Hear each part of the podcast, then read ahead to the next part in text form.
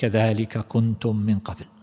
الأستاذ مع تلامذته لربما حقرهم وسخر منهم وعنفهم وازدرى بهم حتى بأسمائهم ولربما تندر بأخطائهم وحماقاتهم وتصرفاتهم أو بلباسهم أو بإجاباتهم وينسى أنه كان في يوم من الأيام في نفس المرحلة وكان رفع الصوت يزعجه وكان التجريح يؤذيه والآن يقعد في نفس المكان.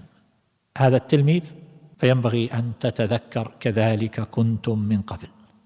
وهكذا لربما ينسى الأستاذ الكبير الذي يجلس على منصة لمناقشة الطالب في مرحلة دراسات عليا في الماجستير أو الدكتوراه. ينسى أنه مر بنفس المرحلة وأنه كان يهفو قلبه إلى من يتلطف به ويراعي حاله ويسدد نقصه بلطف دون إغلاظ ولا تجريح. فلربما ينسى الإنسان نفسه فإذا جلس على هذا الكرسي وجلس هذا المسكين في ساعة المناقشة لربما سلخ جلده أمام الجموع وهذا قد حضر لربما أبوه وإخوته وقرابته وأحب الناس إليه فيريهم هذا من الشماتة والتحقير والتجهيل والازدراء والتعنيف.